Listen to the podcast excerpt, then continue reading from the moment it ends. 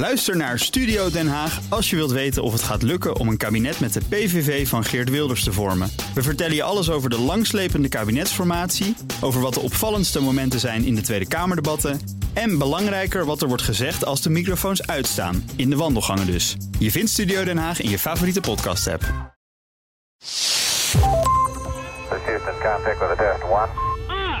Touchdown confirmed.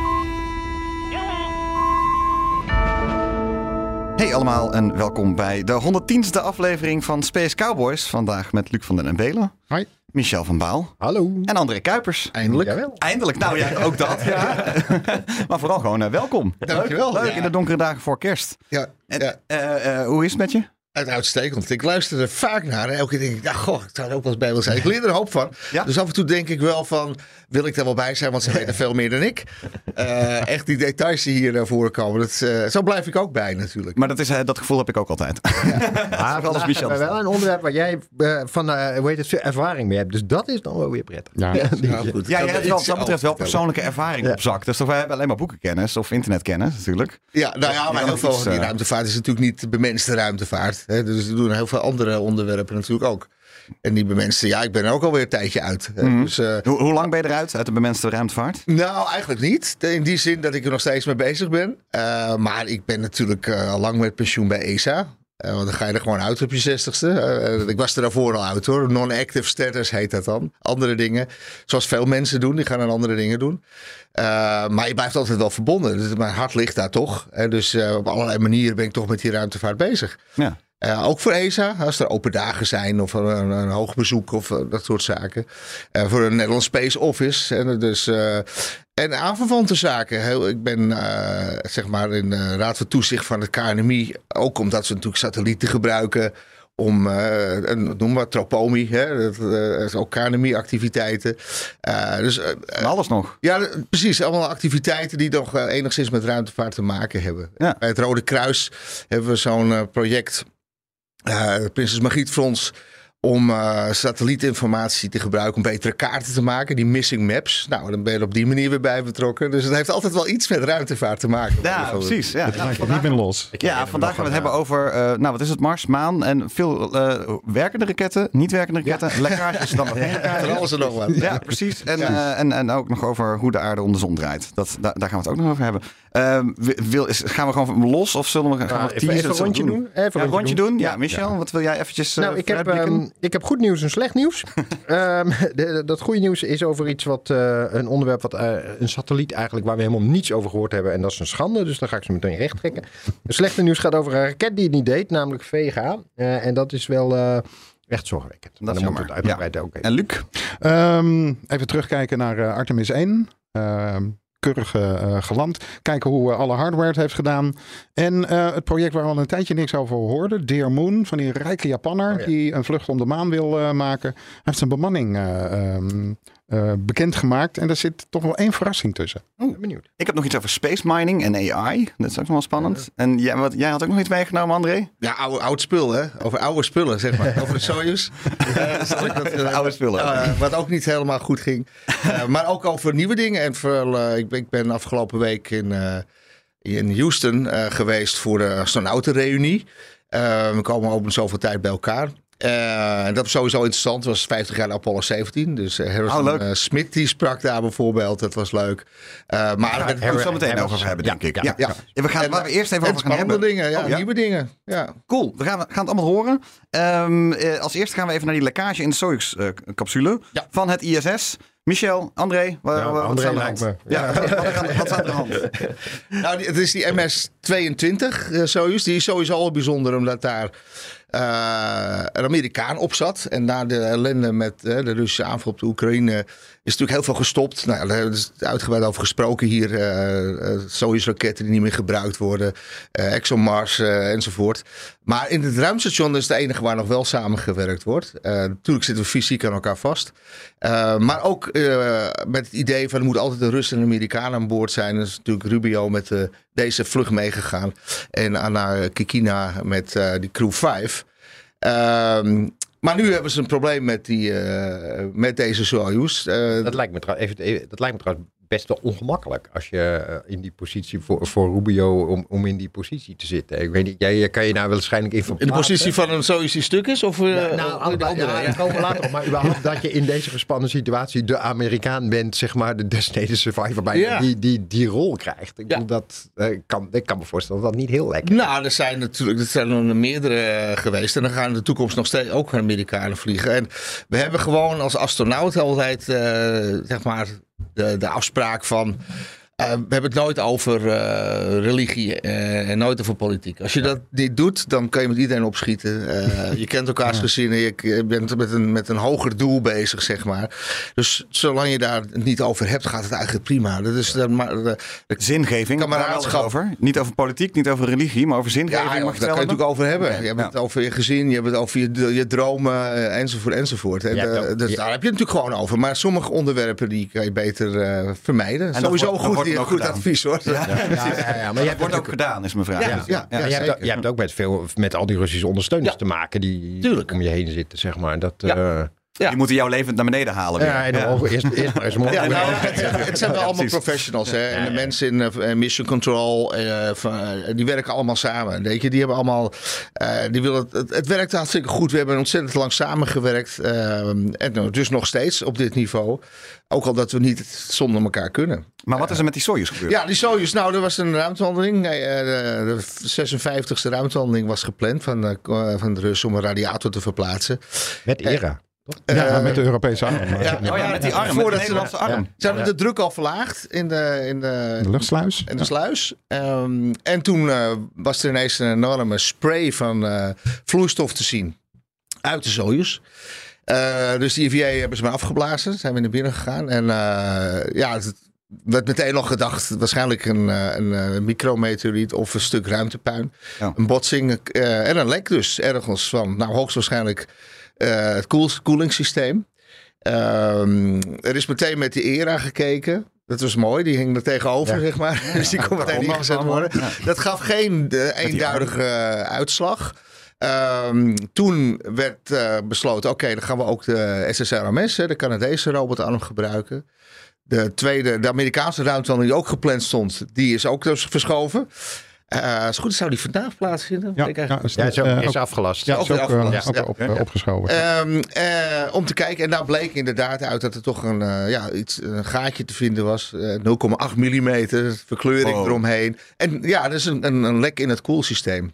Hoe erg is dat? 0,8 Nou ja, dat is mm. dus het grote. Dat is dus nu het probleem. Ja. Ja. Want waar, je hebt die koeling niet voor niks. Eh, Het koelingssysteem is sotter. Eh, ik, ik heb nog uitgebreid moeten studeren. Ik heb de boeken niet meer. Die moest ik allemaal inleveren. Ja, maar had ik even in kunnen duiken. Is allemaal staatsgeheim natuurlijk. Ja, ja. Ehm, nou, ik, eh, hoe heet het? Even terzijde. De Zuid-Koreaanse astronaut. Die is toen zijn vlucht verloren. Omdat hij met documenten... Ja, die was hij naar het huis vliegtuig gegaan. was gegaan. ja. Oh, Dat deden we allemaal, hè? Dat deden, want je bent gewoon studeren. Je bent de hele tijd aan het studeren, ook in het vliegtuig. Dadelijk nemen ze hier met Maar dat, maar dat was dus een probleem.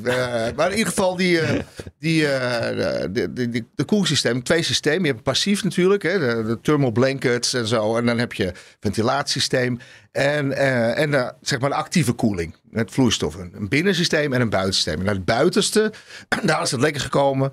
En al die vloeistof die is eruit gespoten. Ik heb proberen op te zoeken wat er eigenlijk voor vloeistof is. Maar de Amerikanen gebruiken eh, ammonia. Hartstikke giftig en hartstikke gevaarlijk. Ik weet eigenlijk niet wat er in die soja zit. Ik kon ik niet eten vinden. Het was, ik, ik heb iets begrepen van een, ammonia, van- nee, maar het is een, een, een glycol met water. Ja. Het is een beetje, Ja, een beetje vettig. Het lullige is dus dat het eigenlijk veel lastiger is dan als het ammonia was geweest. Want dat verdampt uiteindelijk. Ja, maar de ammonia, daarvoor deed ze die ruimtewandeling niet. Want als dat Nee. op je Ja. pak zit en dan bevriest dat... en dan kom je binnen en dan verdampt het... en dan heb je Ja. Precies, eh, al die ellende binnen. Dus ze zijn hier nu Dus bang ze zijn voor. heel bang van, voor altijd. Als dat inderdaad die olie is geweest, kan dat op instrumenten zijn eh, terechtgekomen. En dan heb je een probleem, want Ja, dat verdampt niet. Nee, dus die zou dan weer schoon moeten maken. Maar, maar het is niet helemaal duidelijk eh, wat Maar goed, het is samenstelling al ingespoten en er zijn geen ruimtewandelingen in de, in de gevaar geweest. Eh, maar wel de bemanning en de apparatuur, dat is het vooral.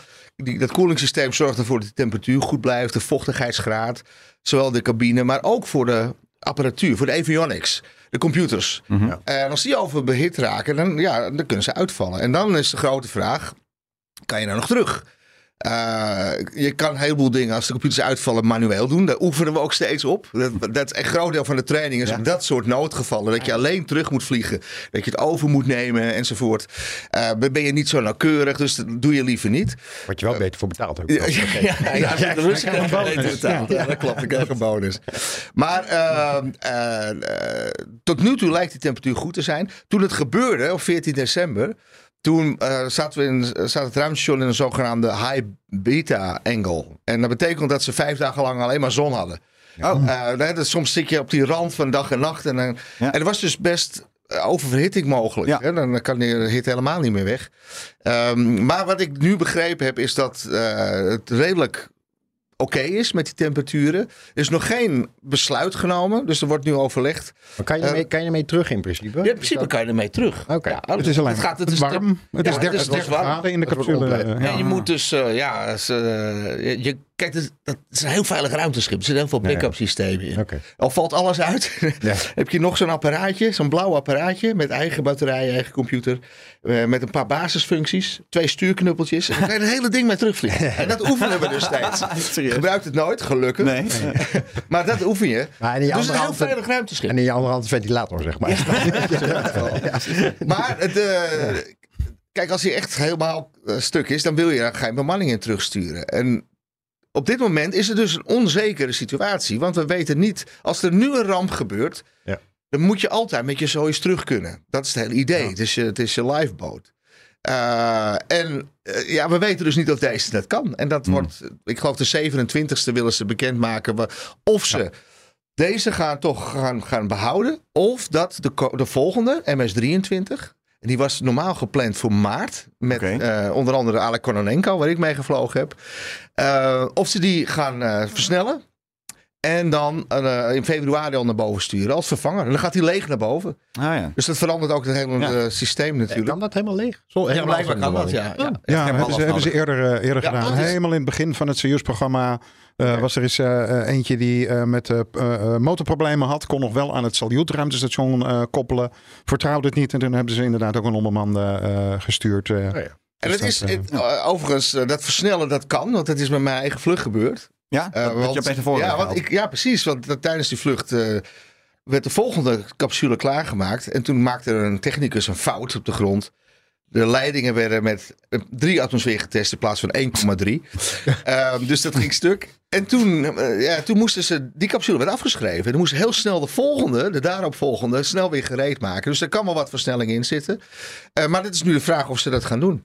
Nou, het is een spannend verhaal. Ja, het blijft spannend. En hopen we in de tussentijd dat er niks gebeurt waardoor de bemanning plotseling terug moet. Nee, Dat, dat gebeurt natuurlijk Ja, bijna nooit, maar Nee. het kan. Het kan wel. kan Ja. kunnen. Nou goed, het is, er, is, er is nog een, een soort van backup. Het schijnt ook dat eh, eh, NASA officieel aan de Russen heeft eh, voorgesteld van joh, eh, we kunnen eh, de Russen ook aan boord van de Amerikaanse schepen terugbrengen.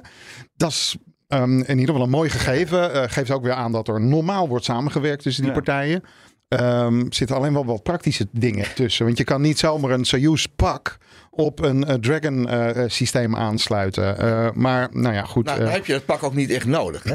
nee, precies. Dat is er Echt ook. echt een super noodgeval. eh, Ga je gewoon kan je gewoon eh, zonder ruimtepak. Gewoon in je polo en Ja, in principe wel. Hè? Nou, Dat gaat ervan uit dat de capsule goed blijft. Ja. Eh, wat meestal zo is. Maar het is met Soyuz 11 toen misgegaan. Maar eh, het, het- dus in echt noodgeval dan kan je iedereen Ja. opstapelen in een Dragon. Ga je gewoon in een, in, een zitten en eh maar dat is, tot het meer, is. dat is meer voor science fiction films. Ja.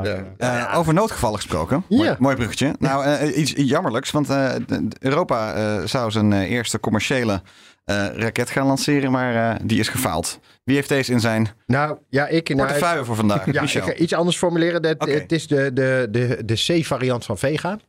Eh, die, die was al een keer eh, gelanceerd als een soort kwalificatielancering. Even om te laten zien dat hij het, eh, dat hij het doet. Zeg maar. Dit was de eerste zeg maar, commerciële vlucht. Missie met een daadwerkelijk satelliet aan boord. Ja, dat had die kwalificatievlucht ook alweer wel om het ingewikkeld te maken. Maar dat was, dat dan goedkoop. Weet je wel, zo, zo werkt dat in de praktijk. Maar hier, dit was de eerste de officiële... champagne werd hier ontkurkt. En toen na 2,5 minuten ging het opeens mis. Nou, dat doe, je, ja, dat, dat doe je dan zeker niet hoor. Voordat, eh, eh, voordat die laatste trap gegaan is. Maar hij is, eh, dit was dus de eerste commerciële vlucht van, eh, van Vega C. De, de upgrade van, eh, van Vega. En die is mislukt. Snap hem. En dat zat in de tweede, de tweede eh, trap. De, de- daar, eh, nou ja, er viel op een gegeven moment. De, nou ja, was de druk in de verbrandingskamer te laag.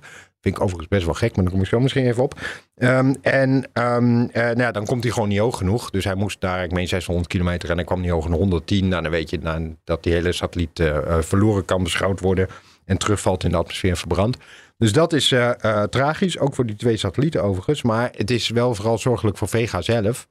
Want dit is nou in de laatste acht of negen lanceringen zijn er drie mislukt. Van de acht inderdaad. Ja, en eh, dat begint toch heel langzaamaan wel pijnlijk te worden voor een, voor een raket die nou ja, ook niet echt goedkoopst is eh, op de markt momenteel.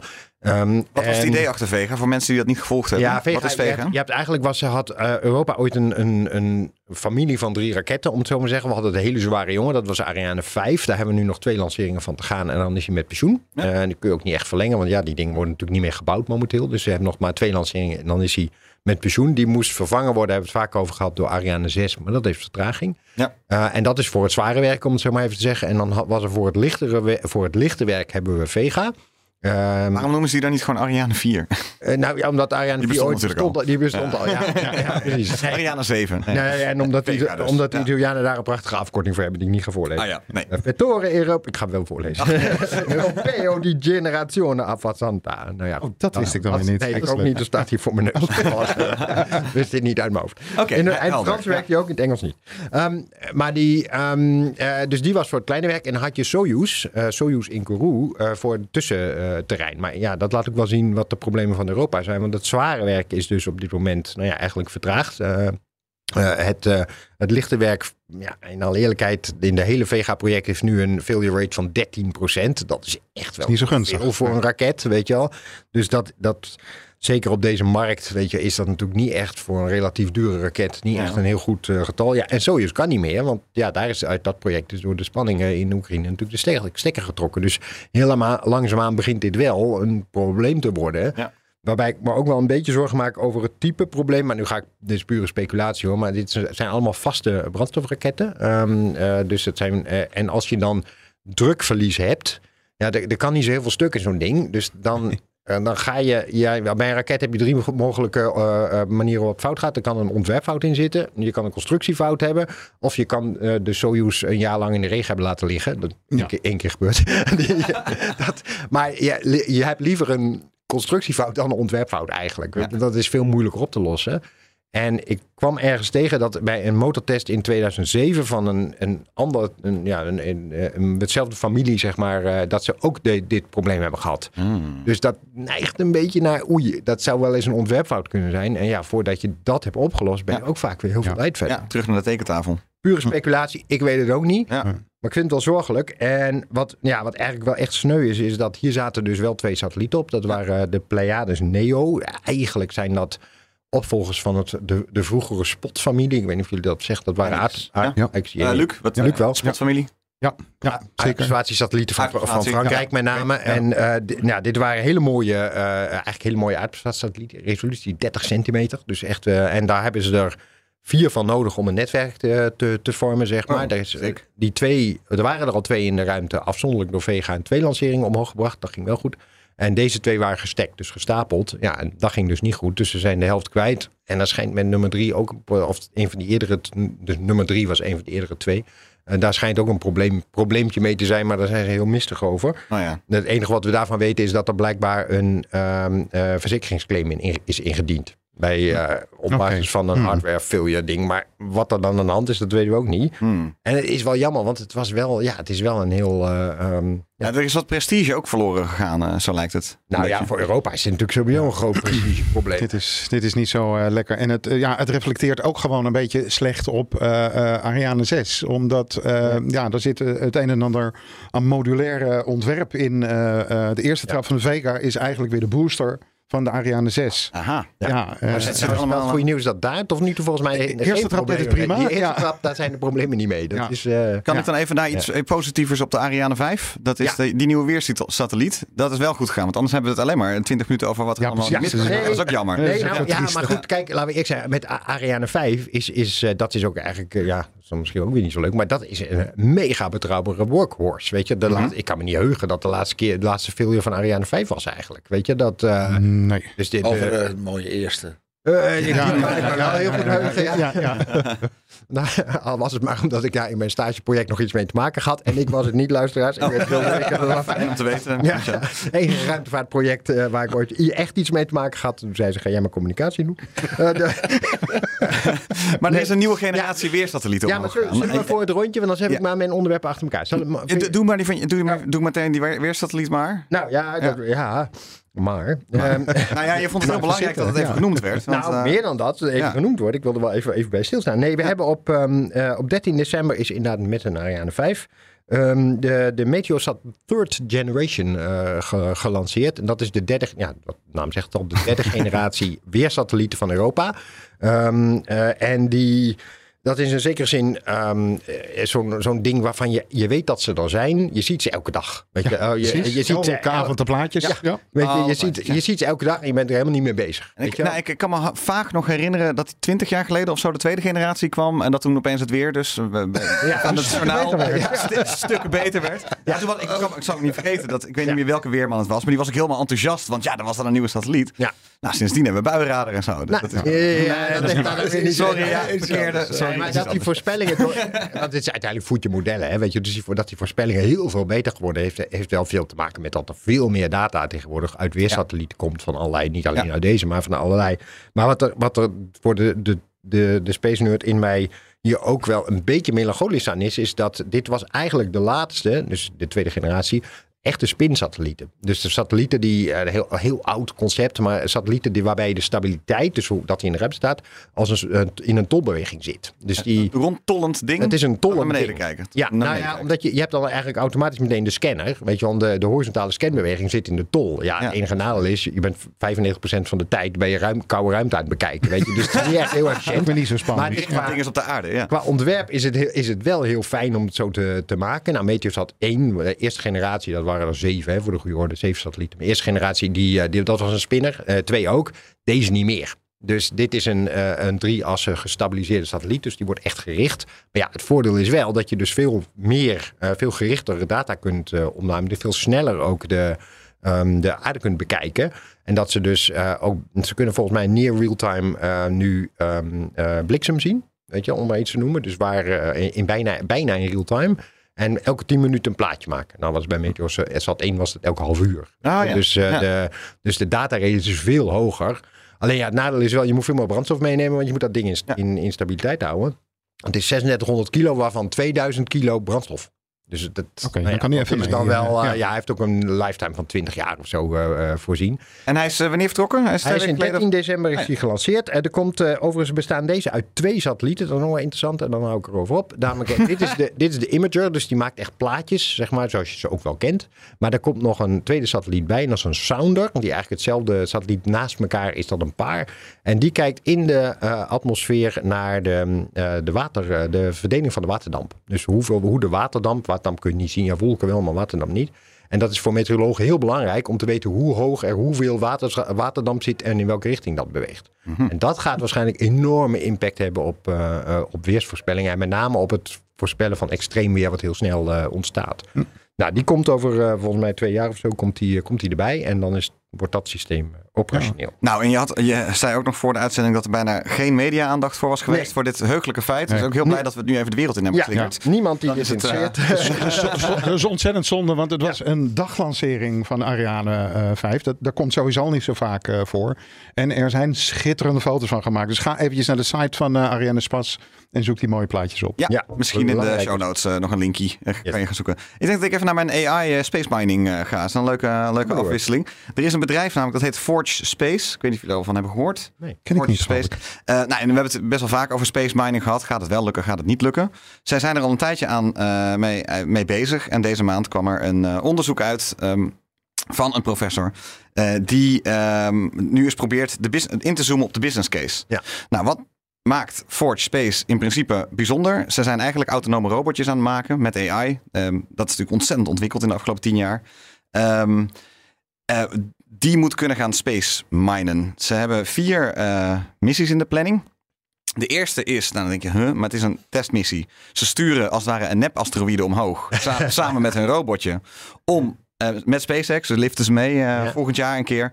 Om dan dus als het ware opnieuw naar het asteroïdetje toe te vliegen. Ja, ja, ja. En hoe, er dan hoe in- groot? Eh, eh, ik, zag, ik heb het gezien. Ongeveer zoals dit waterflesje zo. Zoiets was het. Oké. En om... Maar die asteroïde ook. Ja, die asteroïde. Dus Ja. de fake asteroïde, waar Ja. dan ook eh, platina in zit of zo. Ja. Ehm, en dan gaan ze demonstreren dat dat robotje dus autonoom die asteroïde kan refinen. Dus eh, raffineren tot in ieder geval iets meer ertsig iets. Dus dat is, dat is stap 1.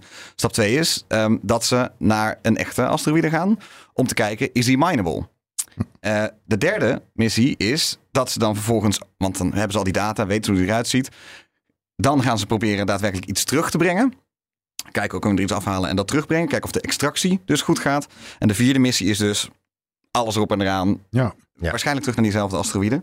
En elke missie kost ongeveer twee jaar. Dus het is snel 2030. Oh, Eh, ehm, Right. maar wat, wat, wat is er nou zo lastig aan? Eh, ze zeggen dat de data over welke asteroïdes wat bevatten heel gefragmenteerd is. Eigenlijk hebben ze daar geen goed inzicht op. En ja, je kan wel naar een asteroïde vliegen, maar eigenlijk weet je niet. Dat hebben we ook de afgelopen jaar gezien. Je weet eigenlijk niet tot het laatste moment niet precies wat, je, wat je ziet.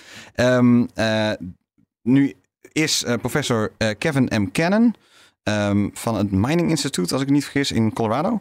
Eh, professor in geologie en die heeft eh, nou eens uitgezocht ehm, naar welke asteroïdes er in ieder geval gezocht moet worden op basis van de data die er dan nu nog beschikbaar is. Want het gaat erom, wat hangt er nou eigenlijk daarboven? Wat hebben we Ja, dan? ja. En wat hebben we daaraan?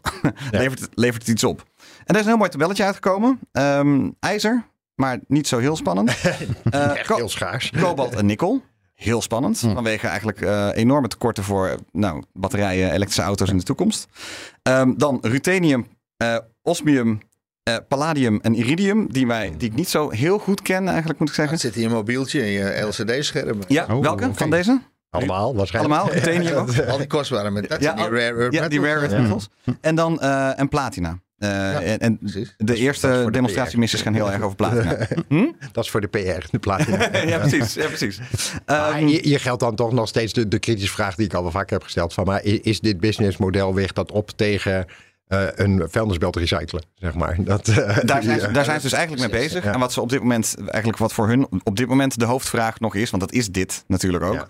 ehm, is, eh, is het nou geschikt om terug naar de aarde te halen? Of moeten ze eigenlijk zich direct gaan richten op dat het ook meteen Ja. in de ruimte wordt verwerkt tot iets en eigenlijk hoog, hoog eh, in het heelal ergens rondzwevend verwerkt Ja. wordt tot iets en in de ruimte blijft. Dus eh, Als dat, als dat niet het geval is, eh, al die kleine R2D2's die ze dan ontwikkelen, die moet je gewoon over een eh vuilnisbelt heen laten hetzelfde. de autonome robotjes ook gewoon met zwaartekracht Nou dat, zou, dat zou best nuttig zijn. Ja, Dat is best een goede. Ja. Wall-E was dat toch? Wally. Ja, ja, precies, precies. Dus eh eh, Forge Space, ik zou zeggen, eh, en dat onderzoek. ik denk, dit is typisch zoiets van als je er heel groot over nadenkt en met, die- met die cruciale vraag, dan kan je er altijd een groot vraagteken boven laten hangen. Maar dit bedrijf is in ieder geval aan het proberen om in ieder geval iets van stappen te zetten. Dus, Maar dat het mijn, hè? want Dat, dat, dat blijft natuurlijk een interessant onderwerp. Ook wat de maan betreft. Daar kan ik meteen op inhaken als ik mag. Ja.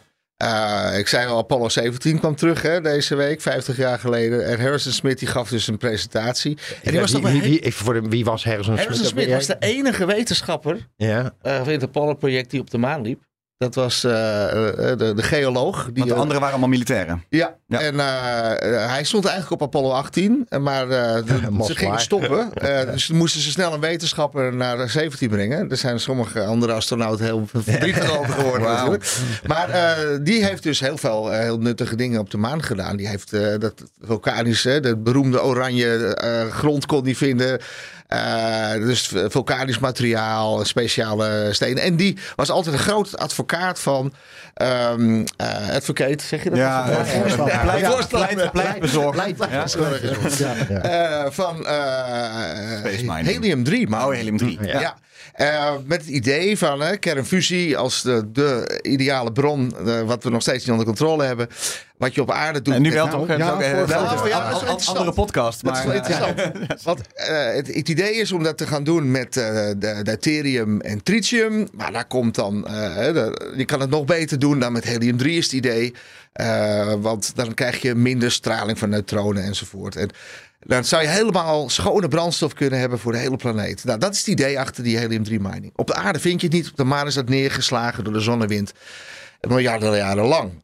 Um, en dat wordt nog steeds. En, en, en, er is heel veel controverse over. Want theoretisch klopt dat, maar er is een heleboel eh, eh, toch ook heel veel ja, wetenschappers die zeggen, nou ja, eh, als je het helium 3 gaat doen, heb je nog steeds deuterium, er komt nog steeds straling vrij. En die, die, die, die, die deeltjes, die, die neutronen zijn niet zo erg. En, We hebben al een fusiereactor in, de, Nou, in, in, in, in, in, in het maar zon. ik, het, blijft toch leven. De, de- het idee om helium 3 van de maan te gaan halen voor kernfusie, dat blijft, blijft toch leven. Ja. Dus het is niet alleen asteroïden, het is ook, die, Ook de het, maan. het gebruiken van de maan. Maar heel vaak voor in situ inderdaad ook. Het idee om, om de materialen van de maan Ja. ter plekke te gaan gebruiken. Ja, en ze hadden het bijvoorbeeld ook over zonnepanelen. Dus sommige van deze metalen konden ook in, eh, in zonnepanelen terechtkomen. ja, Ja, maar kernfusie ergens anders in, het, eh, in- ons zonnestelsel lijkt me zo zinloos als je al de allergrootste Nou, kern, nee, Ja, in de lucht eh, hebt het idee is om daar de aarde te Ja, brengen. daar- Om dus compleet schone Ja, ja. Hebben de normale kernfusie heb je toch nog, eh er komen neutronen bij vrij. Die maken de omgeving van de, de, de- zeg maar de tank waar het in zit, maken die een beetje radioactief. Mhm. Dus heb je toch het probleem met straling nog. Dat zou je volgens het ja, het idee achter helium 3 daarmee totaal kunnen voorkomen. Nou ja. Het is niet helemaal zwart-wit, dat Nee. verhaal. Dus eh, er is wat controverse. Maar dan, Maar het blijft leven. maar dan Ja. komen wij niet heel vaak op astronautenreunies. Zeg maar, vertel eens. Nou, dat was eh, sowieso eh, heel boeiend. zo waar, omdat ja. er ook allemaal Wordt mooie- nooit uitgenodigd. mooie lezingen zijn eh, van, eh, van, van, eh, over verschillende onderwerpen. En waar was dit, zei je? Dit was in Houston. In dit Houston, ja. Ja. we hebben sowieso. Ik zit in het bestuur van de Association of Space Explorers. En elk jaar organiseren we een congres. En in 2024 is het hier in Nederland. Hey. In eh, Noordwijk in Amsterdam gaan we het doen. Dat zit dus een week lang eh, met een outreach-programma. Daar gaan ze één dag gaan alle astronauten over het hele land. eh, scholen, universiteiten, instituten. Misschien wel naar een podcast. Ja. Kijk maar. Grote Ehm, en er zijn technische sessies, eh, er zijn een cultureel programma. eh het is altijd op het hoogste niveau. En dat is natuurlijk heel leuk, ook voor Nederland. Het wordt interessant. Dus dat is. En dat zouden we. Ja, dit jaar is Loop natuurlijk helemaal in de soep door de, de- de Russische aanval. Ja. Eh, de Russen mogen niet meer reizen, dus alles liep anders. Dus nu hadden we een, zeg maar een, ja, eh, een kleine reunie in Amerika. Wel met de Europeanen en Japanners en, eh, en Canadezen uitgenodigd. En dat was heel interessant, want er waren natuurlijk uitgebreid lezingen. Het viel ook samen met de landing van eh, Orion. Dat was natuurlijk ook mooi. Ehm, en ja, ik, ik, was, eh, ik hoorde nu ook heel veel die verhalen natuurlijk van de commerciële vluchten. Nou, en één daarvan was eh, Polaris Dawn. Eh Jarek Isaacman, die Ja. dus ook Inspiration 4 had, die gaat dus nu opnieuw. En dit is al een hele bijzondere missie eh, we- in mijn ogen. Misschien hebben jullie het er al over gehad in een vorige podcast. Dat wel, maar zo wel weer een tijdje geleden. Ja, maar ehm, eh, die gaan met eh, drie rookies, dus die nog nooit gevlogen hebben. Eh, de jongste astronaut, Orbital, die gaat nu meevliegen. Eh, en een, eh, en eh, nog iemand, eh, Anna Menon, die heeft eerst voor NASA gewerkt. Die heeft eh, voor, die werkt nu voor SpaceX. Die heeft eh, de hele veiligheid van de eerste missies met, eh, met SpaceX gedaan. En die is nu zelf een van de, de astronauten aan boord. Ze zit ook in die documentaire van Return to Flight. Daar zit ze uitgebreid in. Ehm, En dit is dus een missie, want er zijn dus, het duizelt een beetje met hoeveel missies. Ja, het is een commerciële missie. ja. Vijf dagen. Oké. Moet in maart gaan plaatsvinden volgend jaar. Ehm, die gaan de hoogste eh, vlucht ooit doen. Eh, die, die kan met die, eh, met die Dragon naar 1400 kilometer. Het laagste punt op 700 geloof ik. Ehm, dus het wordt de hoogste missie. Ze hebben allemaal van die primeurs steeds. Ja. De hoogste missie en het jongste orbital astronaut eh, komt erbij. Drie rookies. eh, en het is heel bijzonder. Op de derde dag willen ze een commerciële ruimtewandeling gaan doen. Wow. Oh ja. Nou, daar is dus best controverse over. Ja. Dat werd dus voorgesteld tussen de eh, professionele eh, zeg, astronauten van ESA, NASA enzovoort. En eh dat gaat toch wel op wat wenkbrauwen omhoog. Omhoog want ja, weet je, ten eerste is die capsule helemaal nog niet getest. Als je, je moet dus hele capsule vacuüm maken. Zoals met Gemini, zeg maar. Zoals Ja, een luchtsluis Ja. Daar is, ik kan die apparatuur tegen, ik kan die avionics tegen, zomaar eens eh, vacuüm. Dan de ruimtepakken, die worden nu gemaakt. Die zijn zeg maar geüpdate van de pakken van, die ze binnen gebruiken, maar dan om naar buiten te gaan. Die zijn helemaal nieuw. Ja. Het zijn drie beginners. Ze hebben, Ja. er dan, Ja. hebben er überhaupt nog nooit in de ruimte geweest. Ehm, en die kennen, hebben, om over ruimtewandelingen nog maar niet te, te spreken. Uh, Jared Isaac, de- maar voor de meeste astronauten. vier vluchtjes gemaakt. Maar eh, het gevaar wat, waar het mij het meest eh, verbaasde. Op dag drie zijn heel veel astronauten ziek. Oh, Ja. vertel. Ja, ruimteziekte. Hè, Ja. dat, komt, dat komt bij alle astronauten in zekere vorm komt dat voor. Tot brakels aan toe. Was dat voor jou ook zo? is- Of, eh, ja, voor mij een idem dito. hoeveel eh, moest je braken? Ja, en moet je wel gauw het zakje weer dicht doen, zeg ik altijd. Was, was, was je, was je de hele dag eh, ziek? Nee, nee, dat komt soms in golven komt dat op. Net als het is zo'n soort zeeziekte. Ja, En na ja. een paar dagen is dat weer oké. Ja, ga, maar in ben ik eerste wel benieuwd dagen, naar. Van, gaat, het nou, gaat het nou Ja, over? het gaat over. Ja, Gaat je over. bent eraan. Je bent er gewoon aan. Net, net als een andere bewegingsziekte. Eh, alleen, in de eerste dagen doe je geen gevaarlijke dingen. Eh, je wil niet, als je een helm dicht hebt zitten, daarin gaan braken, terwijl het ook nog een keer zweeft. Eh, dus dus eh, ik vraag me af hoe dat, of dat, idee of dat een goed idee is. Ja. En dan komt natuurlijk de vraag van, ja, vroeger viel dat natuurlijk allemaal onder NASA, maar deze mensen die kunnen gewoon dat doen. Ja. Ja, dat mag Dat mag, gewoon. dat mag gewoon. Je mag Ja. gewoon een, Als de FVE is, dus, FVE ja, zegt je brengt niemand anders in gevaar behalve jezelf. eh, Maar ik, ik heb zo mijn twijfels of dit wel. Ja, ja, maar ook psychologisch, weet je, in zo'n capsule zitten, weet je, is natuurlijk al sowieso best wel spannend. Maar als ik vervolgens weet, weet je, dat je, oh, je doet straks de deur open en dan is alle lucht weg. Ja. Dat doet ook wel iets, denk ik. weet dat? Ja. Dat, eh, nou ja, kijk, ik, ik ken deze. Ik heb ze, ik heb ze daarover ontmoet. Ze ongetwijfeld goed, eh, hebben een goede achtergrond. eh, ze zijn niet voor niks eh, gekozen. precies. Maar ik vind eh, gewoon eh, om al die dingen voor het eerst vliegen, ja. direct al op dag drie. In een ruimte pakken doen niet eh, eerder eh, getest zijn. eh, het, het, het vacuüm maken niet. Ik, ik, ik vind Nou, het het is wat. eigenlijk een beetje vergelijkbaar met de, eh, eh, gewoon het begin van de, van de Gemini-vlucht. Ja, maar dat ging ook niet altijd goed. Eh, nee, nee, precies.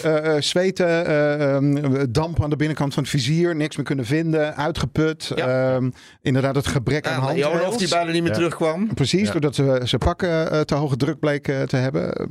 Ja, dus Ja, dit is, daar- dat daar- is toch wel iets wat ik... En, eh, ja. ik, een belangrijk verschil nog wel dat in die, in die tijd waren ze natuurlijk zaten ze in die maanrace bij Ja, spreken. En, en, ja, en, en in Ja. dit specifieke geval is het, is, heb ik het idee dat het heel vaak gewoon PR-gimmicks zijn. Want je, hoe hou je het elke keer weer interessant? Ja. Weet je, die, eh, dat, dat wel. dat je echt denkt van ja, maar dat, De jongste op de hoogste baan. dat, die, dat ja. gaat een keer ja, ja. verkeerd. Weet Nou je ja, wel? kijk, En dat, het is, eh, ik- wat dat betreft, ik ben op een bepaalde manier wel onder de indruk van die Isaacman. Eh, als je ziet, Ja, goeie, Eh, goeie vent. precies, het Ik is bedoel, eh, hij kan het niet voor niks doen. eh, inderdaad, hij is, stinkend rijk, maar inderdaad ook gewoon echt een, een, goed piloot.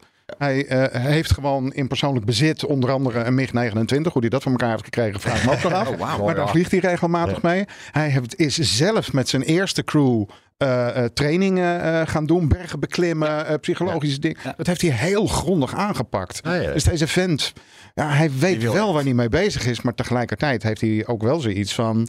Oké, Kijk mij eh, eens. kijk, kijk mij Ja, eens. ja, Eh, ja. Het is een goed hij gaat die ruimtewandeling ook doen. Eh, dus Nou, pak Ja. even meteen Dear Moon erbij. Want dan Ja, hebben we het over mensen die niet Ehm, naar, rond de aarde gaan, maar die gaan ja. rond de maan. Ja, Dat- inderdaad. Dus die komt er anders ook nog Dus die laat- komt er dan ook nog maar aan. laten ze hem wel dicht, hoop ik. Wat, is ja, daar, aan de hand? Nou, de- Dear Moon is het eh, eh, project van een eh, een Japanse eh, miljonair en, eh, en kunstverzamelaar. ja, dus nog, Eh, ja, het duizelt ja, mij dus een ja, klein ja, beetje met de ja. rijke mensen die ja, eh, je, met, je, on- je ontdekt in de, in de ruimtevaart pas hoeveel rijke mensen er zijn. het wel. Ja. Meneer Maezawa. Ehm eh, nou ja, het bekende verhaal wild van, wil van jongs af aan eh, eh, in de ruimte vliegen. Eh, heeft dat inmiddels al gedaan, want eh, dit eh, project eh, was redelijk vertraagd. Dus hij heeft, heeft toen het nog kon nog even snel een, een vlucht bij de Russen geboekt. En is twee weken aan boord van ISS geweest. Maar hij wil, en vreemd genoeg staat het nog steeds op de agenda en hun website volgend jaar. ehm, met een Starship van SpaceX om de maan heen eh, vliegen. Ehm, nou, hij heeft die vlucht gekocht. eh, gaat kennelijk gepaard met een behoorlijke investering in het ontwikkelen van, eh, van Starship. Dus SpaceX is, eh, is heel blij met hem. Ehm, maar hij heeft eh, eh, vlak nadat hij die vlucht eh, heeft gekocht, ik geloof twee jaar geleden, eh, gezegd van ik ga niet alleen. Ik wil eh, eh, mensen meenemen eh, die goed eh, over hun ervaring kunnen, eh, kunnen praten. Nou, heeft een, een, indrukwekkend eh, rijtje eh, gepresenteerd afgelopen weken. Ik zal niet alle namen oplezen, maar wel eventjes waar ze vandaan komen, wat ze doen. Een Amerikaanse DJ-producer, een Zuid-Koreaanse muzikant. Een multidisciplinaire, eh, een multidisciplinaire artiest uit de Tsjechische Republiek. Een Ierse fotograaf, nog een fotograaf uit Engeland. Een Amerikaanse filmmaker. Een acteur uit India. Een snowboarder uit Amerika. Oh. eh, een Japanse danser. En een YouTuber uit de Verenigde Staten. Die we waarschijnlijk wel kennen. Tim Dodd. De Die everyday astronaut. De everyday astronaut, Ah, ja. Die ooit gaaf. uit hobby eh, eh, ja, een aantal jaar geleden eh, een Russische hoogdrukpak kocht. Daar overal mee verscheen. Op de En zich, ja, zich heeft ontwikkeld tot, tot iemand die hele goede eh, eh, ehm, YouTube-films maakt. Nou, ongeveer gast aan- huis is bij Boca Chica. Hij heeft lange interviews met Elon Musk Heel specifiek ook. gedaan. Ja, Een hele grappige scène is bijvoorbeeld dat op een gegeven moment hebben ze zo'n diep gesprek dat Elon Musk op dat te- te- standtepeden beslist om een of ander ding opnieuw te ontwerpen. Omdat hij uit het gesprek van hem blijkt van, oh ja, wacht, we zijn heel dom bezig. Dus daar staat Tim Daughter ook zo naast van, ah, nou, ik heb mijn huiswerk goed gedaan. ja, heb ik dat eh, gehoord. ja, precies, precies. Dus, nou ja, ehm, Heel leuk. Dat, maar het is een hele club mensen. Ik hou natuurlijk mijn hart vast dat het allemaal goed gaat. Nou ja, precies. Kijk, wa- wat ik hierbij heb, heb is inderdaad van... ehm, goed, Maezawa zelf heeft nu wat ervaring. Maar de rest zijn allemaal rookies. En eh, wat dat betreft ben ik inderdaad naar Andres mening eh, eh, heel erg benieuwd. Van, zou het niet verstandig zijn, en misschien gaat het sowieso al gebeuren... dat SpaceX of NASA een paar astronauten eh, mee laat vliegen... Hmm. om ze een beetje te begeleiden en in de gaten eh, te houden. Want Ik zou er niet aan beginnen hoor. Ja, dat, is dus, verantwoordelijk. dat is dus wel wat NASA eist voor eh, de, de AX, de Axiom-missies naar het Space Station. Dat Ze willen dat daar één professionele astronaut aan boord is.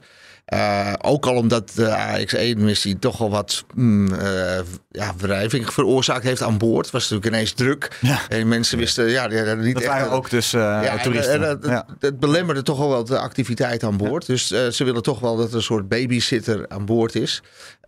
om het boel in goede banen te leiden. Ehm, ehm, ja, ik, ik, een goed idee. Ik eh, stel me Ja. kandidaat.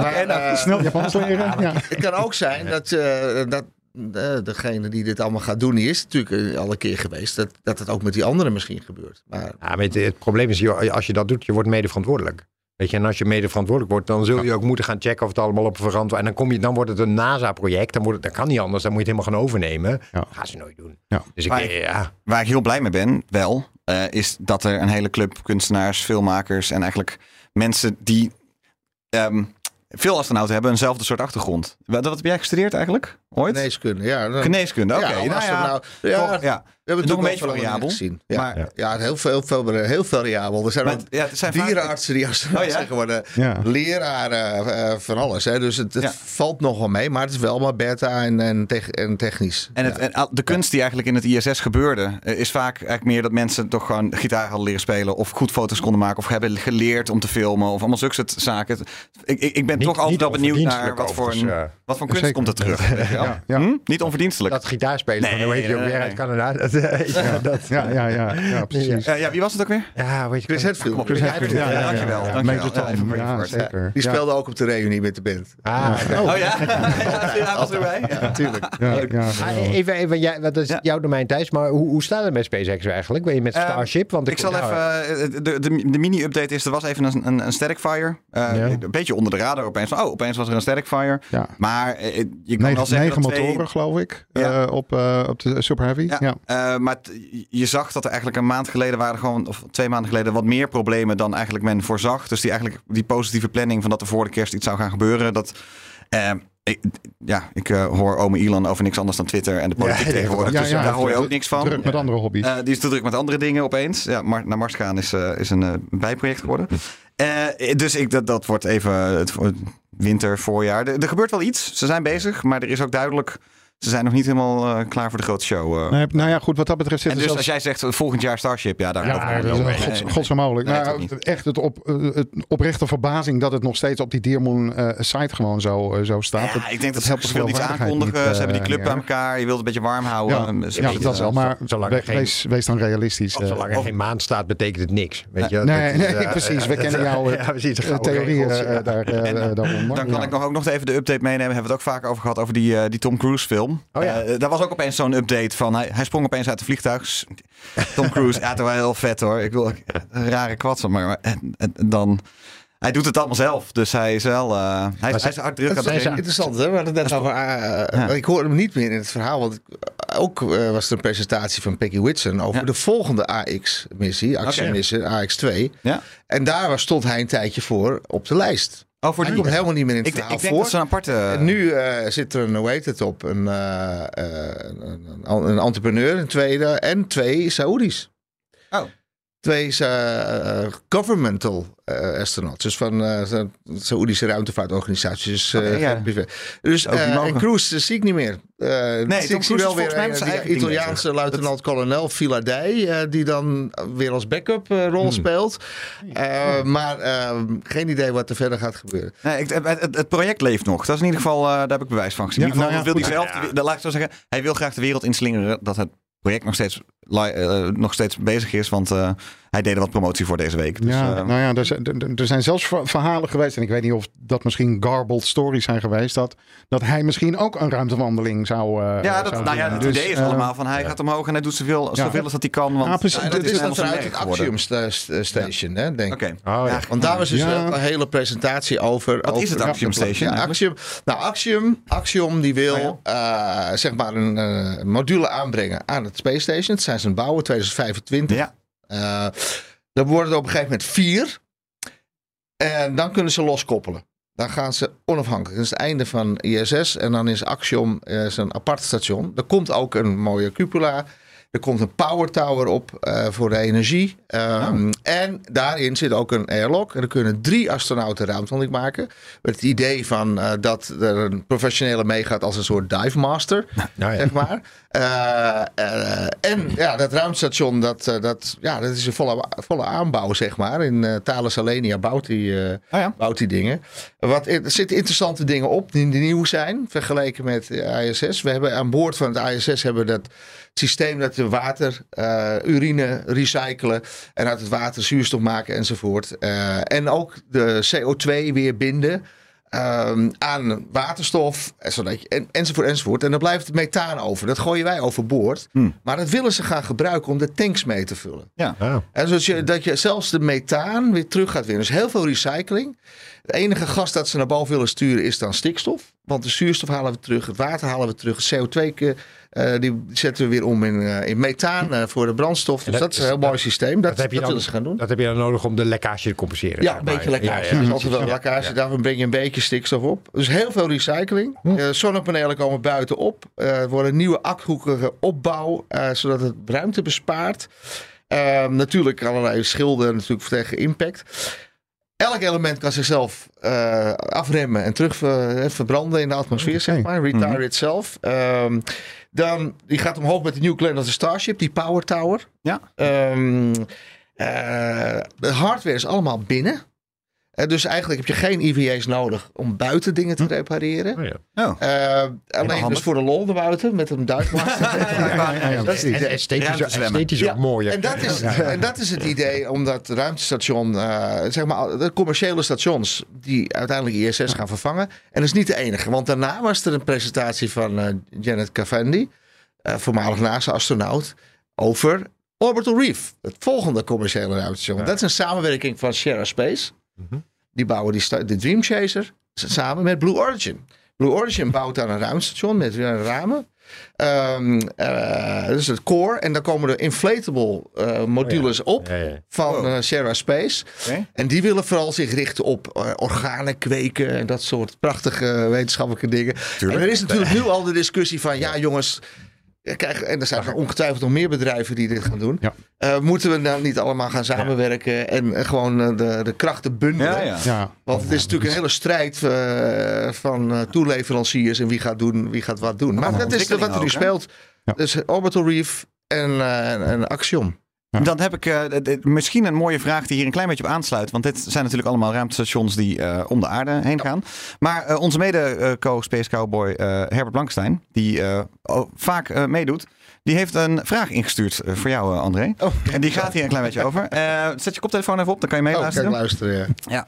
Komt-ie. Hey André, wat leuk dat je meedoet aan Space Cowboys. We hebben elkaar één keer ontmoet. Dat was in Frankrijk bij een paraboolvlucht. En dat was, ik heb het nagekeken, volgens mij in 1990. Dus 32 jaar geleden. In eh, Space Cowboys ben ik altijd de grote scepticus als het gaat om bemand reizen naar Mars. Ik geloof er niet in. Ik geloof niet dat eh, eh, het zal lukken om de straling te overleven die je onderweg en op Mars tegenkomt. Ik geloof niet dat het zal lukken om eh, voedselvoorziening op touw te zetten voor onderweg of ter plaatse. Ik geloof niet dat het zal lukken om alles te recyclen wat je zult moeten recyclen. En allerlei de psychologische problemen. er is zo ontzettend veel dat mis kan gaan. Hè, de, dat van die voedselvoorziening. Het is principieel allemaal wel op te lossen. Maar het moet in de praktijk. Ik geloof dat in het ruimtestation eh, dat er drie slaablaadjes zijn gekweekt of zo. Dat stelt allemaal buitengewoon weinig voor. Er zijn wat aarzelende experimenten met eh, voedseltelen op Marsgrond. Maar niets wat, wat ook maar in de verste verte doet denken aan de, de schaal die je daarvoor nodig hebt. Zijn geen vorderingen die in het tempo dat je nodig zult hebben om op een redelijke termijn naar Mars te kunnen reizen en terug. Of daar een, een, een, een eh, basis op touw te zetten. Dus leg mij nou eens uit of jij denkt en waarom jij denkt dat dat allemaal maar opgelost zal worden. Nou, Nou, Ja. nou. Nou, dat was inderdaad, eh, die paar walvluchten waren heel leuk. Ja. ja, precies. Dat was met, eh, het, eh, hij deed een, een, eh, verslag eh, van het onderzoek van prof- professor Oosterveld, waar ik waar mijn carrière ook is begonnen, met eh, blinde vissen. Eh, grot, van die grotvissen, wat doen die in gewichtsloosheid met lichten en eh, nou ja, eh, interessant onderzoek. Maar goed, ehm, dat was de vraag niet. dat was de vraag niet. Nee, maar ik heb goede Maar je herinneringen. weet, je weet het nog wel. Die, ja, ja, ja, ja. ik heb het nooit vergeten. Dat Nou. was hartstikke leuk, die paraboolvlucht. Goed. Dus eh, wat dat betreft was dat prachtig. Eh, nee, kijk, eh, als wij eens allemaal zo zouden denken, dan zouden we nu nog in grotten leven. Hè? Ik bedoel, alle dingen die wij nu doen, het is ook magie. Een mooi voorbeeld vind ik altijd Kelvin, eh, de beroemde professor van de temperaturen, Lord. eh, Thomson was zijn oorspronkelijke naam, geloof ik. Eh, die ook zei: ja, je kan niet vliegen dat, met iets dat zwaarder is dan lucht. Eh, X-rays, radio, het is onzin. X-rays, uh, röntgenstraling is een hoax. nou goed. En wetenschappers die zeggen dat iets onmogelijk is, nou, die hebben zichzelf gedisqualificeerd. nee, ik bedoel, het, en hij je noemt tempo. Ja, tempo, ja. En daar heb je helemaal niet nodig. We hebben het niet over nu. En dat is het mooie van die ruimtevaart en die, en die passie die er is voor de ruimtevaart. Dit gaat heel lang duren allemaal. Het is niet van vandaag op morgen. Eh, dus eh, er gaan op een gegeven moment... Niemand zal geloven dat over een miljoen jaar de mensheid alleen nog maar op de aarde zit. Hmm. En niemand... En ja, we maken nu gewoon de allereerste kleine stapjes. Ja. En dat is een heel langzaam proces. Eh, het- het- bijna vergelijkbaar. Hè? De feit dat de mensen naar de maan zijn gegaan. Buiten van, van onze planeet af naar de maan bijvoorbeeld. Is gewoon, vind ik, vergelijkbaar met de stap van leven van het water naar het land. Langzaam maar zeker gaan we, gaan we het heelal, eh, gaan we ons verspreiden door het heelal. En het is misschien zelfs een biologisch evolutionair proces. Als je een diersoort bent eh, die maar in één biotoopje leeft. Eh, dan ben je heel kwetsbaar. Hè? De berggorilla's of, of, eh, of panda's die zijn er alleen nog maar omdat we ze zo aardig vinden. Anders waren ze al lang vervangen door theeplantages. maar als je een diersoort bent die het heel goed doet. eh, op allerlei andere plekken. Kakkerlakken, ratten, mensen. Sorry voor de vergelijking. Duiven. Ja, die doen het heel goed. Ja, diertjes. Ja, ja, precies. Eh, omdat die allerlei biotopen kunnen leven. Nou, de aarde is maar één biotoopje. Hè, dus vanuit dat oogpunt is het gewoon al een, een, een normaal proces. En op een gegeven moment zullen mensen zich verspreiden. We gaan niet met z'n allen emigreren naar Mars. Dat, is, dat gaat natuurlijk niet gebeuren. Het zal, het zal gebruikt worden voor onderzoek. Dus zullen de astronauten onderzoek gaan doen. De straling die kennen we. We weten, we weten hoeveel straling er is. Daar kan je je tegen beschermen. Mhm. Je, er wordt zijn ideeën om elektromagneten te bouwen. Om hè, in ieder geval de geladen deeltjes af te kunnen buigen. De watertanks aan de buitenkant. Goed uitrekenen welke periode er moet gaan. Met zonneactiviteit betreft en dat soort zaken. Eh, misschien moet je wel gepensioneerde astronauten sturen. Ja, Of- misschien moet je gepensioneerd af. niet dat een is jonge een briljant idee. heb, je, heb je naam in gedachten? Eh, maar kijk, we staan, de techniek staat niet stil. Wat er nu onmogelijk lijkt, dat is over een tijdje helemaal niet meer onmogelijk. Ja. Eh, we kunnen die dingen. We, technisch kunnen we het al. We rijden al met prachtige robots rondom Mars. Eh, we kunnen overleven in hele moeilijke omstandigheden. Daarom gaan we ook naar de maan. Die hele Artemis-missie, het hele Artemis-project, heeft als een van de grote doelen. Eh, heeft ook eh, als test, dat het een testbed is voor Ja. Mars. Als je, als je je apparatuur kan laten werken op, op de maan met dat scherpe regoliet enzovoort, dan kan je dat ook op Mars. En Mars eh, dus Mars is, is niet een onmogelijke planeet. Kijk, ik, ik heb het voorlopig niet over Venus. Hè. Veel te heet, veel te giftig, hoge druk. Mars is, is te doen. Eh, en er zullen ook mensen gaan. eh, dus er zal een kolonie komen. Niet in de zin zozeer van, van eh, dat er echt eh, ja, families enzovoort. en mensen gaan, gaan koloniseren. Er zullen doden vallen. Eh, Zeker. ja, maar dat gebeurt overal. Ja. Het- Bij elke vorm van transport gaat het een keer mis. Dan zoeken we het uit en dan gaan we weer verder. Ja. Dus, het- het- Het is meer Antarctica-stijl. ja, het is. Antarctica-stijl. Eh, en psychologisch en, dan? en in de hele verre toekomst gaan we zelfs naar andere planeten. Als de mensheid nog als mensheid bestaat, dan moeten we een ander eh, verhaal. maar, maar dat gaat natuurlijk gebeuren. Alleen met de huidige techniek kan dat niet. En als je zegt van nou, eh, dingen zijn onmogelijk, dan ga, heb je het over de huidige techniek. Maar er komen dingen aan waar we nog niet eens aan kunnen denken. Wij krijgen zoveel beheersing over materie en energie. Maar, eh, ja, mensen moeten gewoon science fiction lezen. Ho- Hoor je dat, Herbert? Het is gewoon een gebrek aan voorstellingsvermogen. Dat is het. Maar de, psychologie, hè? Er is, er is, eh, want we hebben nog een paar nieuwtjes, maar er is één vraag die ik eigenlijk altijd al op wilde stellen. En ehm, want je hebt, je hebt da- daarboven zijn wel eens vergeleken met. Ehm, van je, hebt, je hebt altijd een soort ideaalbeeld, hè? De zandvliegen, als ik het nu zeg. Van je zegt wel eens, ja, je, als je naar een onbewoond eiland Ja, gaat, dan, ja, dan, klopt, eh, dan, dan kom je daar ook zandvliegen tegen en dan weet je niet wat het is. En ik ben, heb me altijd afgevraagd, misschien psychologisch of gewoon, wat was nou het echt het allerstomste van daarboven zijn? Wat was nou echt, wanneer dacht je nou echt van, waarom, wat doe ik hier eigenlijk of waarom ben ik hier? Over is mijn helemaal- eigen vlucht? Ja, van je Oh. eigen vlucht. Waarom, wa- dit vind ik echt, dit, is- wat is het minst leuke van astronaut zijn als je daarboven bent? Ehm paar grootste dingen, paar zandvlieg. dingetjes. Paar Ja. dingetjes. Eh, een ervan is, ik had geen riem bij me. En dan denk je, waar heeft hij het over? Eh, alles zweeft. Dus ook je, je polo-shirt zweeft. En die zweefde steeds uit mijn broek. Ik had gewoon een riem. Dus ik heb, ik heb een reserve-riem van mijn commandant geleend. Om polo een beetje op zijn plek te houden. Maar wat echt raar was, dat is het Big Brother gevoel. Dat je constant bekeken wordt. ah ja. Eh, een glazen huis waar je in woont. En dat is eh, eh, praktisch lastig. Was ik, moest ik bijvoorbeeld in de Japanse module moest ik eh, de, de, de- zeg maar de achterkant moest ik openmaken. En eh, er zaten 40 bout in. Had met vier ook gekund, dacht ik. Maar goed, 40. Dus een hoop werk. En ik had een mooi stuk gereedschap.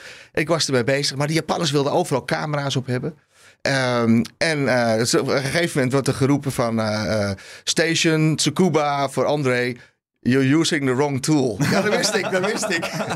maar ik dacht, oh, je wordt op je vingers gekeken. heel Dat is heel raar. Ja. En ik heb één keer gehad dat ik eh, door de Amerikaanse module zweefde. Naar mijn slaapcabine. Ik denk, ik ga mijn neef een keer bellen. En ik bel mijn neef op en hij zegt, oh leuk, ik zag je net in beeld. Ik zeg, oh, welk tv-programma? Nee, live op internet. Ik dacht, live op internet? en het, ja, NASA die streamt af en toe het beeld van... eh, en dan ineens Ja. ben je weer bewust van... Zit mijn hemd wel in mijn broek? Van, van die riem natuurlijk. riem nou, ja, precies, ja. En ineens ben je weer bewust dat je bekeken wordt. En dat is wel raar. Eh, dus zij- na, s'avonds na het avondoverleg zetten we de camera's ook uit. Dat je gewoon toch een beetje Dat is toen ook gebeurd ook. Ja, ja, dat zetten we dan gewoon uit. En dat psychologische argument van Herbert, dat, dat ja, ik, ik heb er ooit al een, een keer in de uitzending een, een discussie met hem over gehad. Ik dacht altijd van ja, we hebben toch ook al het ruimtestation, dat valt wel mee. Is er, is er denk je een groot psychologisch bezwaar tegen met z'n allen naar Mars in een kleine Nou, met z'n allen is eh, dat, dat is gezellig. Ja, maar het wat probleem is dat er een kleine, een kleine bemanning... En je kan niet terug. Eh, als je eenmaal onderweg bent, je hebt die snelheid. Het is niet zo dat je even een motor aanzet en terugvliegt. En dat betekent dat je op jezelf bent aangewezen. De, de, de communicatie wordt steeds lastiger afhankelijk van de afstand tussen de planeten. Ik kan echt niet direct communiceren. Je zal het zelf moeten oplossen, het probleem. Maar dat is ook voor de mensen die vroeger op een houten schip de oceaan opgingen. Hmm. Mensen op Antarctica. We hebben vanuit het ruimtestation gesproken met, het, eh, met Concordia, internationale team op de Zuidpool. Die zijn echt geïsoleerd. Ja. Die zitten in de winter daar, min 80. Kunnen, de diesel is bevroren in hun wagen. Ze kunnen gewoon, ze kunnen helemaal- wij kunnen nog redelijk snel terug, zeg maar. maar dus het is niet uniek. Nee, nee. Dus, Ja, eh, en en eh, ja, je moet zorgen dat er heel veel backup systemen zijn. En met meerdere mensen rustig aan. eh, extra. Nou ja, dus het kan van alles daar kan je daarbij verzinnen. Maar Ja. ongetwijfeld gaan daar, gaan er mensen heen. Ja. Ja, zeker. Ja. En wat het betreft voedsel verbouwen, er zit hier op nog geen drie kilometer afstand zit een enorme vertical farm, waar dat ook al Ja, gebeurt. dat is de toekomst, hè? Ja, absoluut. Eh, Luc, de, eh, de- dankjewel eh André. Even Luc nog, eh, de- je wilt nog heel, we gaan nog even een paar kleine dingetjes bespreken. Ik weet niet of ieder mensen nog iets op hun lijst Ja. staan. Ja, en als iedereen de tijd heeft. Ja, ja, ja, ja, ja, Herbert is er niet, we kletsen gewoon even lekker. Ja, we gaan met vieren. Dus, maak het uit. Ja. we gaan het nog even over SLS hebben. Want laten we gewoon even de SLS, grote raket. We hebben er jarenlang om gelachen. En toen ging die de lucht in. En, toen toen- zeiden we al in een vorige uitzending van eigenlijk heeft toen niemand het meer over SLS gehad. Want de missie zelf rondom de maan was te gek en heel tof. En, eh, en eh, ja, Eh, verraste een hoop mensen volgens mij. Ja. Een nutteloos app- apparaat is, dat staat nog steeds. Maar dat het een nutteloos apparaat is, staat nog steeds. Maar toch, Luc. Ja, nou ja, ehm, Wat, wat wilde jij erover zeggen? Dat dat, goed dat, het- dat nutteloos het dingen apparaat. perfect heeft gedaan. En nou ja, na, na al onze eh zuur gediscussieer van de afgelopen jaren, moeten we dat dan ook eens. Moeten we eh, allemaal weer terugnemen en inslikken? Ja, nou ja, het is eh, voor de eerste vlucht van zo'n complexe raket best bijzonder dat hij het zo goed eh, eh, heeft gedaan. Hij heeft de Orion-capsule op minder dan eh 4 kilometer verschil in hoogte in een baan gebracht. En verder hebben alle systemen eh, binnen 0,3% van de voorspelde performance eh, eh, gewerkt. Dat is behoorlijk, eh, eh, behoorlijk goed. Zeker voor een ding met, met zo'n geschakeerde Ja. voorgeschiedenis. Problemen waren, waren niet te overzien op sommige momenten. En eh, nou, het ding heeft dus gewoon perfect eh, eh, gefunctioneerd. Ik moet zeggen dat alle managers eh, eigenlijk wel door lieten klinken dat ze daar ook verbaasd over, over waren. Dat Ja. hij het zo goed heeft gedaan. Ehm, Dus nou, gaat nog wel weer een tijdje mee. Dat is de... Ehm, Nou ja, nou ja, ehm, de- laten, we, laten we realistisch zijn. Er zijn twee nieuwe exemplaren in aanbouw. En eh, dat gaat heel erg langzaam. Oh ja, Totaal anders dan de, nieuwe bouwen. ja, dan de serieproductie die destijds de Saturnus 5 eh, Hm. eh, kende. eh, waarvan nog steeds wordt gezegd, daar hadden we nooit mee moeten stoppen. Oh ja, dan hadden we dat is wel waar, ja. vandaag Ja. de dag nog steeds met een ding kunnen Hoeveel zijn er gebouwd ooit eh, van die Saturn? Eh, vrrr, in de orde van, van grootte van 20. Er, Nee. er liggen nog drie exemplaren. Er zitten dan ook sommige testonderdelen tussen die verspreid zijn over Amerika. Je kan Ja. ze in Florida, er eentje, eentje ja. bekijken. Ja. Grandioos om dat te zien. Ehm, maar goed, eh Het is- SLS perfect gewerkt. Orion is eh, inderdaad op, eh, op 11 december teruggekeerd. Ehm, ik moet zeggen dat ik met gekromde tenen naar de NASA-reportage heb zitten kijken. oh, want? Dat was een partij slecht, moet Oh ja, ik, moet ik zeggen. Ja? Eh, ehm, eh, wat we dus acht jaar geleden met de eerste testmissie hadden. dat hij tijdens de terugkeer vanuit een, een militair vliegtuig eh, in beeld werd genomen. En Ja. je alle parachutes eh, uit zag klappen en zo. Was totaal niet eh, eh, eh, aan de hand eh, dit keer. Wat, wat- Eh, wat gek is als je binnen 0,3% van je van je van Precies, dus je zit, weet maar. exact waar, die, eh, waar Ja. die zit. Dus ja, misschien dat die verbinding op dat moment eventjes niet, eh, niet Ah. werkt. Ik heb er op Twitter eh, wel een kort stukje eh, van gezien. De beelden zijn wel gemaakt. Ja. Ja, Ehm, maar en verder, de, presen- de presentatie was gewoon niks. Eh, tien minuten stilte achter elkaar. Eh, de nieuwe hoofdcommentator eh, voor NASA TV. Ja, ik, ik heb een... Nou ja, ik heb geen voorkeur eh, voor de man, want hij zegt niks. Eh, daarnaast de dictie eh, werkt gewoon niet. Nee, maar nee. ze lieten heel veel kansen liggen om meer informatie over bijvoorbeeld de volgende vluchten te geven. Dus waar NASA op sommige momenten dus echt Emmys krijgt voor reportages, deze faalde aan alle kanten. Ja, maar ja, niettemin, het schip is perfect teruggekeerd, aan boord gehaald, eh, na urenlang in de, de oceaan te hebben gedobberd. Want ze wilden eerst zorgen dat alles mogelijk schadelijke gassen eh, van boord waren en waren, eh, waren vervlogen. En hij is inmiddels aan, eh, aan land gebracht. En daar ko- eh, komt dan toch nog een zorgje van mij eh, om de hoek. Er zijn wat foto's eh, eh, verschenen van de capsule. En als je goed naar het deel kijkt wat een beetje in de schaduw ligt, de onderkant waar het, eh, het hitteschild eh, eh, zit, van een ander ontwerp eh, dan eh, datgene wat acht jaar geleden werd gebruikt. Daar zie ik toch enkele brokjes ontbreken. En ehm, ik heb daar nog niks over gelezen of, eh, of gehoord. Er is überhaupt niets gezegd over de conditie van de, van de capsule. Maar ik ben de komende weken heel erg benieuwd naar wat die diagnose gaat, gaat opleveren. Het is natuurlijk altijd bij dit soort dingen. Je weet niet wat je niet weet. Weet je? Precies. Dus, Nee. dat, en ja, Nee. Kijk, het, is eh, fantastisch dat het ding zo goed gewerkt heeft. Maar de feitelijke problemen, dat hebben we ook weer eerder aangestipt, zit natuurlijk niet zozeer in, de, in deze lancering. Maar vooral in het feit dat het zo lang duurt voordat de rest komt. Ja. En ja, in de, de, als je ziet hoe er snel de ruimtevaart vooruit gaat op dit moment. eh, is, eh, en je telt er even de normale vertraging mee op in dit proces. Is het de vraag of, het, of dit tegen 2028, nou ja, überhaupt nog Ja. realistisch is. Weet Ja, je wel? En dat, ja, ik denk die, die tweede zal nog wel komen. Maar die, die derde zit zo ver in de tijd. Dat je je echt afvraagt, ja, waar staan we dan? Ja, Dat- precies. eh, het proces gewoon te langzaam. Ja, en een vreemd proces. Want de, de, de derde gaat dan landen. Twee landingen zijn beloofd aan SpaceX met eh, Starship. Ja. Maar daarna is het ineens weer een andere provider. Eh De Netflix of Lockheed of wie dan ook. Eh, dus interessante dingen. Ja, En die nou, ik, ik, ja. zie, ik zie het gebeuren dat Dynetics met die, met Ja. die eh, eh, lander die in, in horizontale architectuur is, die zie ik gewoon eh, als eerste gaan. Ik denk dat Starship binnen, binnen een jaar een aantal jaren vertraging gaat, eh, gaat opleveren. En ze die Oh ja? eerste landing absoluut niet met, eh, met Starship gaan Voor doen. mij kunnen ze dat gewoon ook niet allemaal tegelijk. Nee, Weet je, dat, nee, eh, het is- het is heel, dat zie je als je nu ook ziet hoe moeilijk het gaat. Weet je, Ja. en, en bovendien heeft de baas wat anders aan zijn hoofd. Weet je, Ja, maar wat dat betreft, nog, nog één dingetje. Mevrouw Shotwell, waarvan velen zeggen dat is eigenlijk de kracht eh, Ja. achter De, SpaceX. de CEO van SpaceX. Die heeft nu het management van Boca Chica eh, gekregen. Dus die Oh, zit veel dichter op de eh, ontwikkelingen dan eh, eh, de grote baas die het visioen ooit, eh, ooit had. En Ja. kennelijk met al hele andere denkbeelden bezig is vandaag. de dag. Ja, apart. Eh, kijk, kijk eventjes. André, had jij nog een dingetje? Nou, op je lijst staan. Ja, ik Trek wat uit de staat. Oh, ja, even kijken er Ja, onder de nieuwtjes in ruimtevaart. Eh, maar, Die je mee had genomen. Space Challenge is afgelopen. eh het TV-programma. Ik weet niet of het allemaal gezien hebben. heb het niet gevolgd, leuk. helaas. Moet je, dat is hartstikke ja, was leuk. leuk. Ja, Er komt een nieuwe, ja, januari doe ik eh, ruimteschip Aarde. Ja. Ook Oh, jij gaat een nieuwe, jij gaat Ja. een nieuwe serie maken. Eh, eh, zes afleveringen zijn al gemaakt. Die komen worden vanaf januari Gaaf. uitgezonden. Februari, denk ik. Ja? Eh, ik ga theater weer in met jullie kennis over de toekomst van de ruimte. Nee, serieus. Ik heb die theatercolleges gedaan over de ruimtevaart. Ontzettend goed bezocht. Maar er is zoveel gebeurd sinds ik daarmee gestopt ben. Dat ik gewoon een nieuwe eh, reeks ga doen. Wanneer was de laatste? eh, Zeven jaar Eh, geleden? acht- 2018 of zo. Ja, oké, en eh, ja. en eh, ja, er is zoveel met die commerciële ruimtevaart. Gaat hard, met eh, Artemis. En er is ontzettend veel. eh, dus ik heb een nieuwe gemaakt vanaf 8 januari weer in het land. Eh, en ik luister heel graag naar jullie. Want dan krijg ik, oh, oh, dat kan ik erin stoppen. Dat, Dankjewel, goed, André. Wat aardig. stoppen. Dus dat eh, staat al. En een film. Het, eh, we zijn bezig film? met een ja, film. Een film? Film. Tom het Cruise? is geen. Kan je weer naar boven? Ja. Zingen naar beneden? Geen, geen acting, geen documentaire, geen talking heads. Alleen maar beeld en muziek van Vangelis. Eh, en dat wordt eh, ja, gewoon genieten.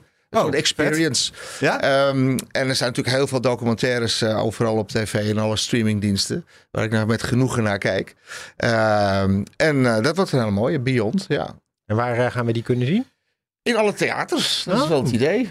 Ja. Oh, cool. Zo. Maar eh, dat, dat zijn allemaal dingen die eraan komen wat dat Ja. betreft. Je, hebt ook eh, kinderboeken ge... Ja, oh ja, toch? ja die, die worden ook uitgebreid. eh, Komt er nog de eentje uit? uitgever zit hier tegenover. Oh, oh ja. Ja. Oké, nou leuk.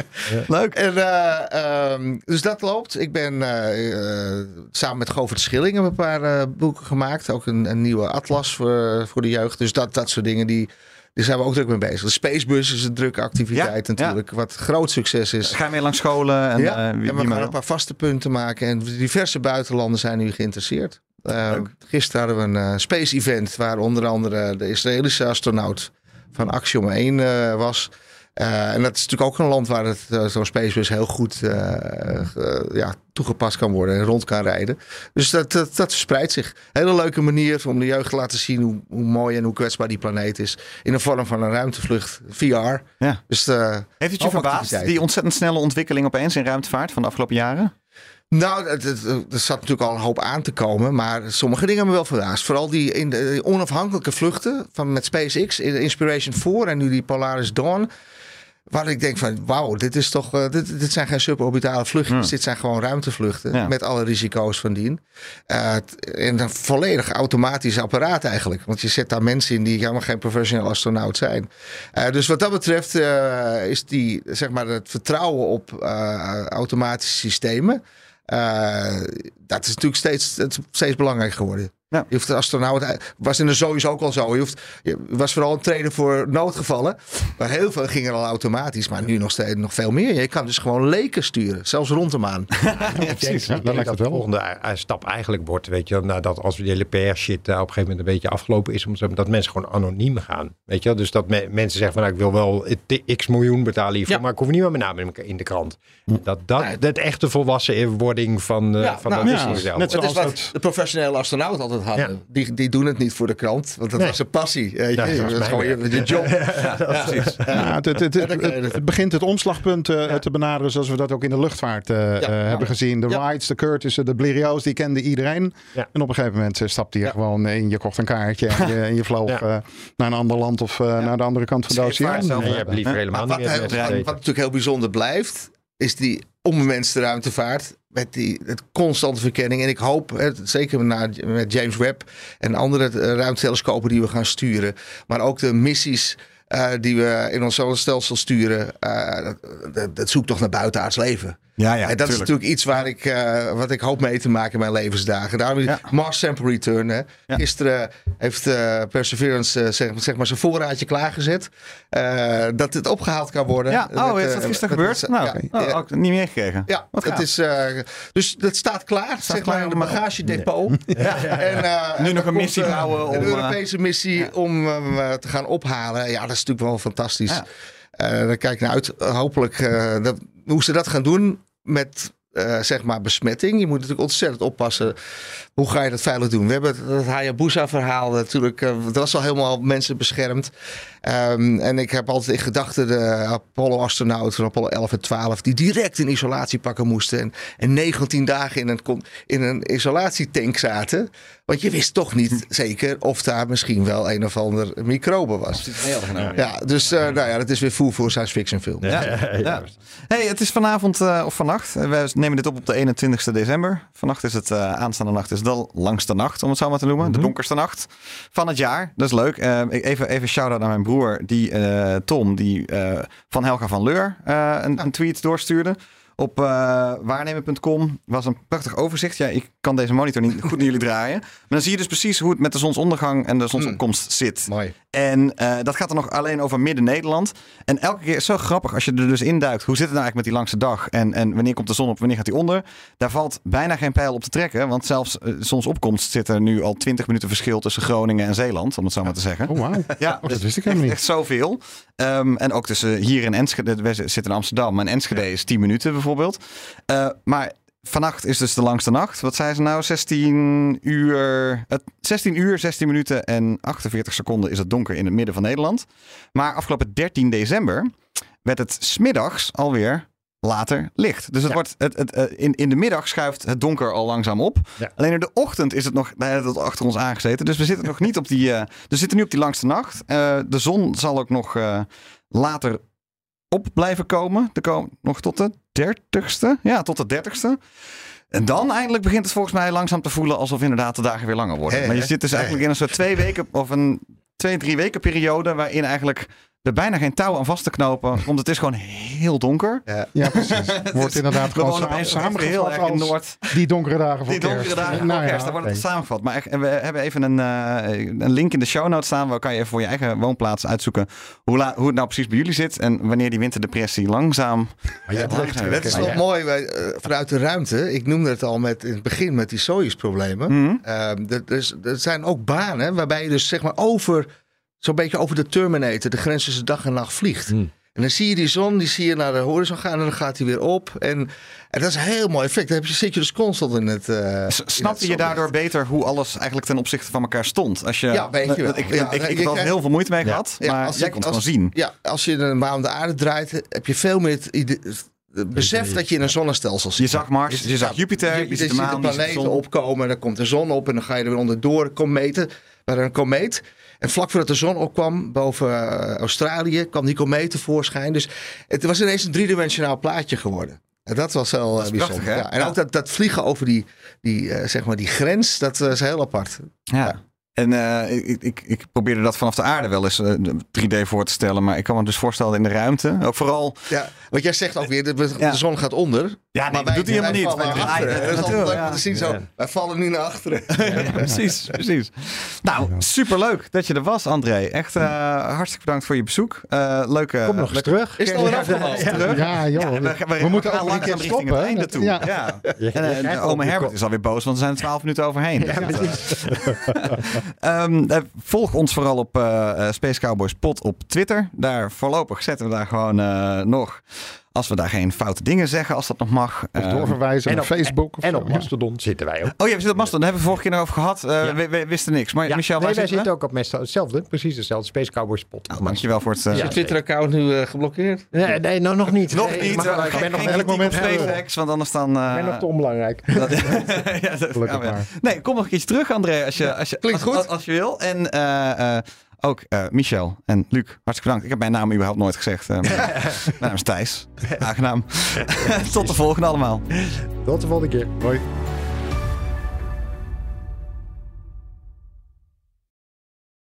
Ook Harm Edens vind je in de BNR-app. Je kunt BNR Duurzaam niet alleen live luisteren in de app, maar ook terugluisteren als podcast, zoals al onze podcasts. En naast dat de BNR-app Breaking News meldt, houden we je ook op de hoogte van het laatste zakelijke nieuws. Download nu de gratis BNR-app en blijf scherp.